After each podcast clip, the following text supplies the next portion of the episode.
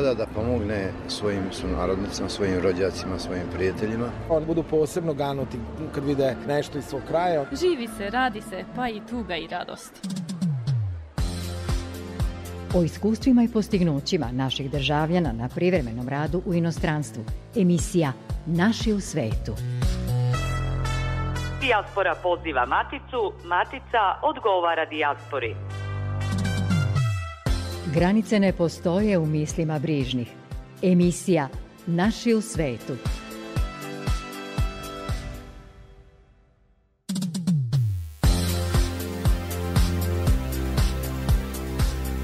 Dobroveče, poštovani slušaoci.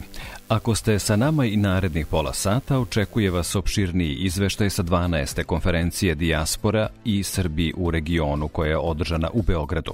Čuđete i još neke utiske sa nedavnog susreta naše dijaspore u Vašingtonu. Za tonskim pultom je Stanislava Pačarić, ja sam Goran Pavlović. Dobro nam došli. U Beogradu je krajem februara formirana nova srpska organizacija dijaspore Savez Matice i Srba u rasejanju.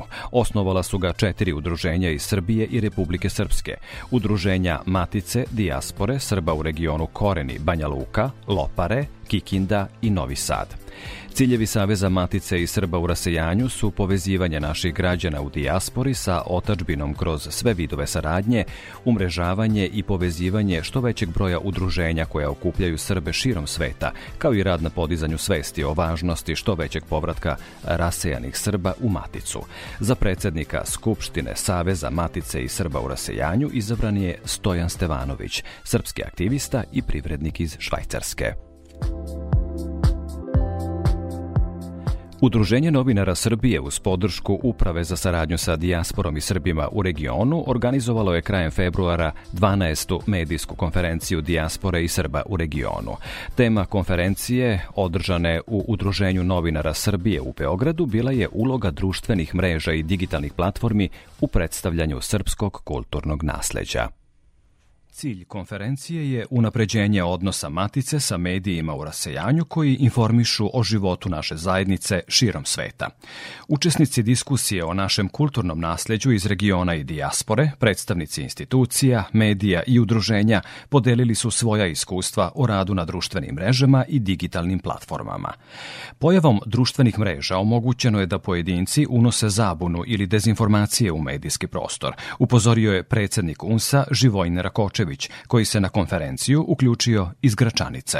U predstavljanju kulturnog nasleđa, mislim da smo na pravom mestu, baš što se mene tiče, tu postoje dva e, osnovna e, puta i dva osnovna principa. Prvi je nauka i prvi je ono što je nauka e, već decenijama i decenijama verifikovala kao nesporne vrednosti i, e, i, vlasni, i, i pripadnost vlasništvu. E, međutim, pojavom društvenih mreža i njihovog uticaja mi smo došli u poziciju da pojedinac bez obzira koliko bio stručan, osposobljen, i po, poznaje materiju e, kulturnog nasleđa e, može e, nezavisno od institucija, nezavisno od istraživanja, nezavisno od istorije i nasleđa napraviti pravu pometnju i može u velikoj i ozbiljnoj meri falsifikovati činjenice i predstavljati ih i predstaviti ih u digitalnom svetu. Ta opasnost je naročito važna za naše kulturno nasledđe po rubovima našeg kulturnog prostora. E, ona je naravno jako važna i za ljude u dijaspori, i za, za, ali posebno, da kažem, da ovde u okviru granica naše države mi smo suočeni recimo na Kosovo i Metohiji sa ozbiljnim, ozbiljnim falsifikatima upravo u toj oblasti, jer ne možete proveriti, e, ne možete jednostavno proveriti, ne možete zaustaviti desetine i stotine onih koji imaju, naglašavam, svoju verziju e, istorije, svoju verziju vrednosti i svoju verziju vlasništva kulturnog nasleđa. Rakočević dodaje da Udruženje novinara Srbije želi da bude stožer u okupljanju onih koji žele da predstave prave i proverene informacije o našem kulturnom nasleđu, kako u matici, tako i u rasejanju. O važnosti digitalnih medija u očuvanju i širenju proverenih informacija o našoj kulturi govorio je i direktor Uprave za saradnju sa dijasporom i Srbima u regionu Arno Gujon. On kaže da je najveći uticaj i prenos informacija upravo na društvenim mrežama i potvrdio njihov značaj na sledećem primjeru. Mi smo predprošle godine pokrenuli jednu veliku kampanju e, podrške Srbima poreklom iz Federacije BiH, e, gde postoji rizik da izgube svoju imovinu ako se ne jave kancelarijama za pravnu pomoć koju smo osnovali zajedno sa Republikom Srpskom. Konkretno, 400.000 ljudi raspolaže prava na imovinu u Federaciji BiH, a oni žive širom sveta, zato što su izbjegli, izbjegli tokom rata ili odmak nakon njega. Pitanje je bilo kako da dođemo do njih, kako da ih obavestimo o tome šta se dešava trenutno u Federaciji BiH. Za one koji žive u Republici Srpskoj u Srbiji, tu smo uspeli preko RTS-a, preko, e, da kažem, novina i tako dalje ali kako da dopremo do oni koji žive već 20 godina u Americi, u Australiji, u Austriji, u Francuskoj. I onda smo pokrenuli veliku kampanju na društvenim mrežama. I evo imam rezultate ovde te kampanje. U roku od mesec dana uspeli smo da imamo domet na Facebooku od 2 miliona ljudi, na Instagramu 500.000, na Twitteru 75.000. Ukupno oko 2 miliona i 600 hiljada ljudi je videlo ono što smo objavili. Nakon toga na desetine hiljada ljudi se javilo tim kancelarijama za pravnu pomoć i otvorili smo preko 10.000 predmeta. Šta to konkretno znači? To znači da 10.000 porodica će sačuvati svoju imovinu u Federaciji BiH. To je oko 60.000 hektara. To je ogromna površina. I evo, to dolazim do onoga što sam htio da kažem. Društvene mreže, to nije cilj, to je sredstvo ta 2,5 miliona ljudi, to nije bio cilj, nego sredstvo da sačuvamo 60.000 hektara srpske zemlje u Federaciji BiH. I to je bitno, čime god da se bavite sada, e, kulturnim nasledđem, novinarstvom, humanitarnim radom, bilo čim. Društvene mreže su samo sredstvo da obavljate kako treba svoju dužnost. Gujon napominje da kao direktor uprave redovno prati društvene mreže i medije i njihov uticaj na našu zajednicu širom sveta. Imamo na Facebooku Svi Srbi u Parizu, koji to je platforma koja okuplja veliki broj uh, naših sunarodnika u Francuskoj, u Parizu i sadržaj još jednom je veoma bitan, ali prilagođen platformi Facebook. Ono što je zajedničko svim platformama iz, iz dijaspore, internet sajtovima, to je da su jedinstveni, drugačiji su. Važno je da se ističemo, da se razlikujemo od ostalih medija. Kad bi neki internet sajt iz dijaspore objavio vest o nekom međunarodnom sporazumu događu. Ne kažem da to ne treba, jer je to bitno, jer oni koji dolaze na vaš sajt žele možda da vide to. Ali svakako nećete se razlikovati i isticati ako objavljujete samo takve vesti, jer Tanjuk će pre vas to da objavi. I možda i, i ne, samo, ne samo pre vas, nego će i detaljnije da informišu javnost o tome šta se dešava u svetu. Ali ako imate internet sajt koji se bavi kulturnim nasledđem u, u ne znam, na Kosovu i Metohiji, pa samo vi ćete imati te informacije kao muzej, kao, kao crkva. Ako informišete srpsku zajednicu u, u Austriji, vi jedini imate razne informacije iz Linca, iz Beča, koje mi u Srbiji nemamo. I onda vi ste u prednosti. Čestitajući Udruženju novinara Srbije i upravi za dijasporu i Srbe u regionu, ministar bez portfelja zadužen za dijasporu Đorđe Milićević podsjetio je da su digitalni mediji jedno dostignuće i nova realnost koja može da u velikoj meri doprinese očuvanju kulture i identiteta naših ljudi širom sveta. To je naročito važno za mlađe generacije koje se rađaju u drugim zemljama, kaže Milićević. Društvene mreže putem kojih se povezuju, informišu, čuvaju kontakte, ali i digitalne platforme na kojima se predstavlja srpsko kulturno nasledđe. Tim putem ljudima koji su kilometrima udaljeni od svoje matice i najvažnije drugoj i trećoj generaciji se omogućava da upoznaju pre svega svoju kulturu, istoriju, tradiciju i običaje. Samo kada se sa aspekta jezika i pisma sagleda koliko je značajna mogućnost učenja na daljinu, pokrenuli smo jedan program online nastave na srpskom jeziku za učenike iz dijaspore zajedno sa Ministarstvom prosvete i materijal za učenje našeg jezika će od naredne školske godine biti dostupan svima koji to žele bez obzira gde žive, da ih na taj način podržimo u očuvanju jezičkog identiteta. Smatram da Srbija kao zemlja inovacija koja razvojem pre svega IT sektora, ali i svega što se tiče veštačke inteligencije prednjači u odnosu na mnoge države i digitalizacijom našeg nasledđa se ostvaruje vidljivost i dostupnost svima upotrebom savremenih formi komunikacije približavamo se i mlađim generacijama i pozitivni efekti se svakako mogu videti ne samo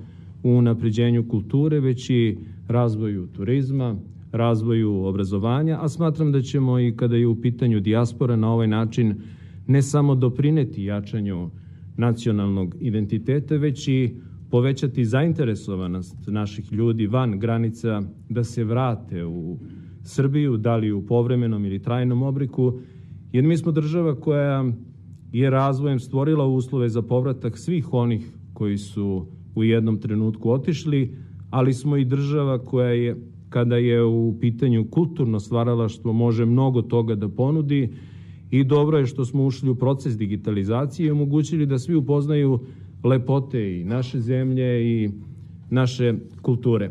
Zajedno sa vladom Srbije uvek ćemo promovisati projekte koji za cilj imaju unapređenje odnosa matice i dijaspore, dodaje Milićević i napominje da unapređenje kulturnog identiteta može da doprinese unapređenju turističkog potencijala naše zemlje. Želeo bih da se zahvalim svima iz dijaspore i regiona koji uređuju i vode stranice i udruženja Srba, ali i portala koji prenose vesti i povezuju dijasporu sa maticom, veliki posao rade koji je od ogromnog značaja. Da je medijska konferencija Dijaspore o ulozi digitalnih medija u očuvanju kulturnog identiteta i nasleđa pravi način da se ta tema dodatno unapredi, potvrdila je i Daniela Vanušić, pomoćnica ministra kulture. To ministarstvo ima oko 11.000 pratilaca na Facebooku i oko 5.000 na Instagramu. Ministarstvo je intenziviralo promociju našeg kulturnog nasleđa upravo na digitalnim platformama i društvenim mrežama, kaže Vanušić. Da biste koristili Instagram na pravi način, e, prosto je bilo potrebno prilagoditi sadržaje samim uh, tim društvenim mrežama, mislim naravno i na Facebook i na Instagram, ali istovremeno i način obraćanja toj uh, publici. Morali ste da zadovoljite i njihove potrebe, znači izbor fotografija, brzina na kojoj se objavljuju uh, vesti, da ne bude ranije se dešavalo da se nešto dogodi danas, a onda prosto kultura je tu malo opuštena pa se to objavi par sati kasnije ili eventualno sutra. Ne, mi smo uveli vrlo visoke tu standarde, moment kako se događaj odigrava, njegov završavanje, to se pojavljuje kod nas na društvenim mrežama. E, što se tiče tekstualnog sadržaja, on je prilagođen, znači da ne, nije previše opterećujući, da jasno e, sugeriše o čemu se radi. E, koristimo društvene mreže da predstavimo ne samo aktivnosti Ministarstva kulture, već naprotiv da skrenemo pažnju i na aktivnosti svih ustanova kulture različitog profila sa teritorije cele Republike Srbije. Znači mi objavljujemo i ono što mi finanskijski, da kažem, podržimo, neke projekte koji se realizuju sredstvima ministarstva, ali isto tako e, objavljujemo i sve one sadržaje koje ustanove kulture po manjim mestima samostalno ili s pomoću lokalne samouprave e, realizuju i oni nas o tome redovno obaveštavaju. Na televiziji Švajcarske program se emituje za dijasporu na 18 jezika iz Evrope i Afrike. U delu programa na srpskom zaposlena je i novinarka Dragana Mandić. Ona je imala određene nedoumice o tome kako se na najjednostavniji način može doći do što većeg broja pratilaca sadržaja koji objavljuje njihova redakcija, koja program stvara na srpskom. Mi smo nastali kao internet televizija 2017. godine, a od 2022. godine radimo i kao kabelska televizija ovdje u Švajcarskoj i program na srpskom jeziku ide na Blue TV Sviskomu 2106 kanal svake srede od 16 časova do 20 časova. E, ono što bih ja pitala vas kao eksperta jeste, dakle mi imamo svoju uh, Facebook stranicu koju mogu da kažem da je prilično ovako aktivna i to je oficijalna Facebook stranica uh, Telediaspora televizije. Uh, I ona kao takva ima nekih 30.000 30 pratilaca. Negde u tom dakle, istraživanju sam pronašla podatak da na nedeljnom nivou preko 25.000 poseta. E sad ja nisam sigurna koliko je to dobro, koliko je loše, dakle s obzirom na to da se 18 e, jezik, na 18 jezika dele sadržaj, možda to i nije toliko visok e, podatak, e, to jest visoka cifra, ali mislim da opet nije toliko ni nisko. Od pre šest meseci management televizije odlučio da na svakom jeziku otvorimo pod stranice Dakle, da svi mi uh, razvijemo na svom maternjem jeziku stranicu. Dakle, ja sam dobila da radim dijaspora televizija švajcarska, baš kako sam izgovorila, znači baš na srpskom. I tu delimo sadržaje isključivo informacije i emisije koje radimo na srpskom jeziku. Na taj način imamo mnogo lakšu komunikaciju sa našim ljudima, oni su tu slobodniji da pišu na srpskom jeziku, jer ova oficijalna stranica većinom funkcioniče na engleskom ili nemačkom jeziku. Imamo tu neku, da kažem, interakciju. Međutim, tu imam pristup, ali mi tu to smo otvorili pre nekih šest meseci i konkretno, ja sad tu imam problem sa pronalaženjem e, broja pratilaca. Jer e, ja sam pozvala jako veliki broj ljudi, međutim, to sad kako funkcioniše, evo to je za mene jedna nova čitava oblast i bilo mi je zadovoljstvo da slušam vaše predavanje. Da li imate neke konkretne savete? Dakle, ja sam slala upite u određene grupe ovde u Švajcarskoj koji imaju takođe veliki broj, srpske grupe u Švajcarskoj imaju veliki broj pratilaca. Niko nije dozvolio da na neki način okačimo bilo koji naš snimak, bilo šta, da na taj način mi ne bismo bili uh, viđeni ili zapraćeni. Savet u vezi sa pomenutom nedoumicom imao je Nebojša Janković, ekspert za digitalne platforme, takođe učesnik konferencije. Moj savjet je da izađete iz tog sistema, nazovite tu stranicu drugačije. Šta hoću da kažem? Ako je cilj da generišete saobraćaj ka vašem sajtu i da okupljate tu zajednicu i da imate uvid u to, onda morate da se izdvojite kao zasebna stranica. Da ne budete pod stranica vašeg medija. Ja mislim da vam za to ne treba dozvola vaše, vaše, znači suštinski ja sad mogu da otvorim svoju stranicu, nazvaću je Diaspora i krenut ću da šerujem sadržaj sa, sa vašeg sajta. U tome ne može niko da me spreči. To su gerilske tehnike kako vi potencijalno pokušavate da generišete neki saobraćaj. E sad, moj vam je savjet da ne razmišljate samo o Facebooku. Koristite vi Facebook. Zašto? Zato što a, osim ako nemate neki budžet za promovisanje vašeg saobraćaja. A, ono o čemu treba da razmišljate su i drugi kanali. Zato je poenta i, i pokušam, pokušam sam sad kroz ovu prezentaciju to da predstavim, da a, vidite gde se sve vaša publika nalazi. E sad, vi prvi korak koji morate da odradite jeste da analizirate strukturu vašeg saobraćaja. Da tražite e, pristup Google analitici i da vidite vaše tekstove, jer svaki vaš tekst ima svoj link, vaše tekstove, ko čita, odakle ljudi dolaze, koliko se zadržavaju i koji, i koji su to izvori sa kojih ljudi dolaze. Na osnovu toga ćete utvrditi gde imate prostor za dalje unapređenje. Tatjana Đurđević, članica Srpskog udruženja Ivo Andrić iz Stavangera, iznela je svoje iskustvo o upotrebi digitalnih medija u povezivanju sa zemljacima širom sveta. Ona kaže da tamošnji savez u Norveškoj okuplja 11 srpskih udruženja i da članovi nesebično sarađuju i dele informacije od značaja za celu zajednicu, ne samo u toj zemlji, nego i u Matici. Ja bih samo da, da samo kažem naše iskustvo o ovome što smo malo pre rekli, kako dolazimo do, do ljudi. Nama je malo lakše jer smo mi ujedinjeni 11 udruženja iz 11 gradova u Norveškoj i sarađujemo vrlo blisko. Znači na dnevnom nivou smo koristimo sve ove messengere, Viber i ostale kanale komunikacija, ali e, smo shvatili da, e, da moramo da kroz, e, mislim, malo e, dublje te analitičke stvari, zato sam i ovde danas, da dođemo do, do šireg broja ljudi. Mi koristimo i određene Facebook grupe, Instagram, e, da, da dođemo do nekih, na primer, koristimo mame u Norveškoj. Jeste da zvuči grupa Facebook, zvuči kad kažete mame u Norveškoj, međutim, to je jedna vrlo uticajna grupa u Norveškoj koju su osnovale mame iz celog regiona ovde kod nas, jer smo mi ovde svi zajedno. I e, nekako e, pokušavamo da kada objavljujemo, da, još samo da napomenem da smo za sada admini mi koji predstavljamo udruženje u Savezu, admini te na primjer naše Facebook stranice.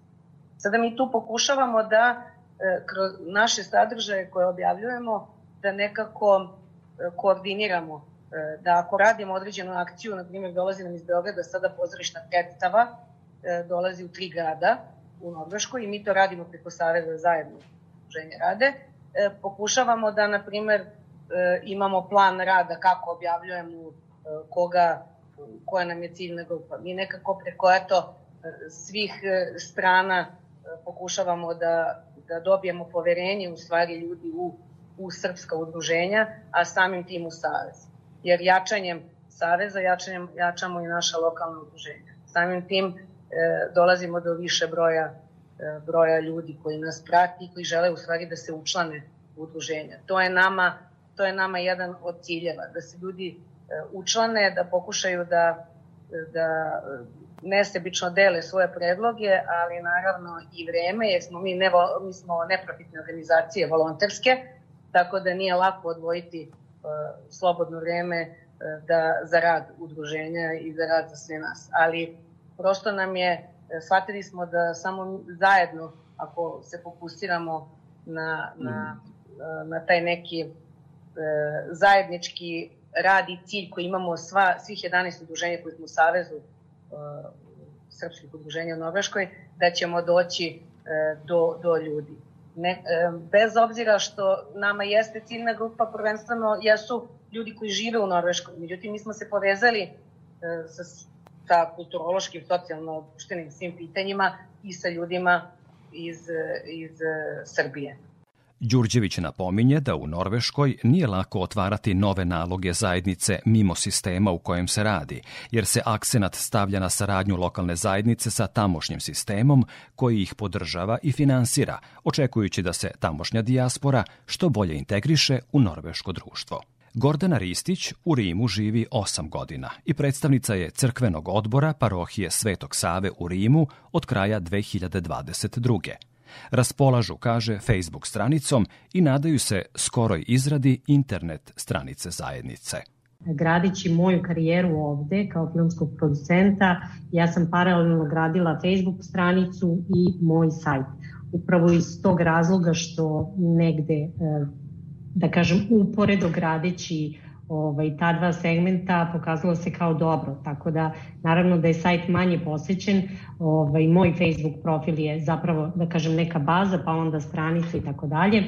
Tako da ovaj, izuzetno, još jednom evo, podlačimo od velike, velike koristi je ovaj, sve ovo. Inače, kao crkvena opština volila bih da naglasim i veoma je značan da imamo odličnu saradnju, ako smo novi, mladi, tek pravimo, da kažemo, ovaj, tu dobru bazu ovde u Rimu, koju do sada niko nije u tom smislu da kažem tako bitan korak napravio, da imamo registrovanu Srpsku pravoslavnu crkvu ovde. Ovaj, na, na tome najviše zahvaljujemo naravno Srpskoj pravoslavnoj crkvi i episkopu Andreju Čilečiću koji je prepoznao tu neku našu inicijativu, ideju i u roku od, da kažem, mesec dana nam obezbedio da imamo i besplatan prostor. Mi imamo tri puta održavanje ove e, svete liturgije i dolazi nam sveštenik iz Beča i tako dalje. Tako da mnogo lepih stvari se desilo i ja bih ovom prilikom da se zahvalim našim medijima u Srbiji sa kojima imamo odličnu saradnju koji su to ispratili od, od samog početka i prate nas i bodre u svemu tome i drago mi kad imamo novitete, vesti i neke lepe događaje. Tako da eto, stvorila se između oslog jedna divna, predivna energija i divni ljudi koji nam sa svih strana pomažu. Ja na prvom mestu bih želeli da pohvalim ambasadiju Srbije u Rimu e, i što se tiče naše crkvene opštine, kao i, i moje lične ovaj, profesije. Tako da ovaj, i uopšte, to kažem, sa, sa svim ljudima u Srbiji, Ministarstvom kulture i tako dalje. Po završetku 12. medijske konferencije Dijaspore i Srba u regionu, održane u Udruženju novinara Srbije u Beogradu, počinje planiranje za narednu konferenciju, koja će, kao i prethodne, razmatrati načine za što bolje povezivanje matice sa svojim rasejanjem. Granice ne postoje u mislima brižnih. Emisija Naši u svetu – Od mnogobrojnih manifestacija kojima je obeležavan Dan državnosti Srbije izdvajamo konferenciju srpske dijaspore u Sjedinjenim američkim državama, naslovljenu sa Jačanje veza, koja je održana u Vašingtonu. Organizator je bila Srpska ambasada, a učesnici i gosti gotovo svi viđeniji Srbi u Americi, ali i viđeniji Amerikanci koji podržavaju i promovišu naš narod tamo. Zahvaljujući kolegi Draganu Rakonjcu dobili smo izjave savjetnika naše ambasade u Vašingtonu Radomira Ilića. Neverovatna je energija koja je vladala tokom celog dana. Ljudi su stvarno bili oduševljeni i bilo je puno ideja na koji način da se popravi taj odnos između dijaspore iz Amerike i kako da se popravi uh, sam odnos između Srbije i same Amerike nagomilana energija decenijama nije bilo ovakvog skupa. Decenijama Srbi nisu i bili u prilici da se a, obrate institucijama svoje zemlje. A, zato je prosto energija bila i tako velika ali ne samo velika ona je pre svega bila pozitivna. I to je utisak koji nosimo. A, puno poruka za vladu, za institucije naše zemlje. Važno je dakle da sada i američki Srbi dobiju odgovore na to i da sve ovo što se danas dogodilo nama obezbedi neku bolju budućnost ovde u Sjedinjenim državama, da povuče određene ljude da se vrate u Srbiju, da određene Srbe povuče da dođu u Ameriku, da se doškoluju pa da se ponovo vrate u Srbiju. To su dakle, to su dakle neke glavne ideje i teme koje su se danas koje su se danas čule na konferenciji. Ja sam čuo jednu jako dobru inicijativu danas na konferenciji, a to je da svi ljudi koji imaju pravo na srpski pasoš podnesu zahtev i da ga ostvare i da ga nose sa sobom. Uzmi srpski pasoš je inicijativa ambasade Srbije u Sjedinjim državama. Mi imamo pripremljen projekat, uskoro ćemo početi sa njegovom realizacijom. Dakle, oni ljudi koji su srpskog porekla, makada su im predsi došli u Srbiju, ukoliko žele da ostvare svoje pravo i da uzmu srpski pasoš, bit će im to omogućeno po ubrzanoj proceduri. S druge strane, oni Srbi koji su iskoro došli, a nemaju pasoš ili su iz bilo kog razloga izgubili državljanstvo, neka dođu u konzulat, neka zatraže. Srećni smo dakle da srpsko državljanstvo podeli delimo sa dobrim ljudima, našim ljudima iz Sjedinjenih država. Toliko poštovani slušalci u večerašnjoj emisiji Naši u svetu Radio Novog Sada. Možete nas slušati odloženo na sajtu rtv.rs u opciji Odloženo slušanje. A sve dodatne informacije u vezi sa emisijom potražite i na Facebook stranici Naši u svetu RTV. Čujemo se i narednog petka od 19.05.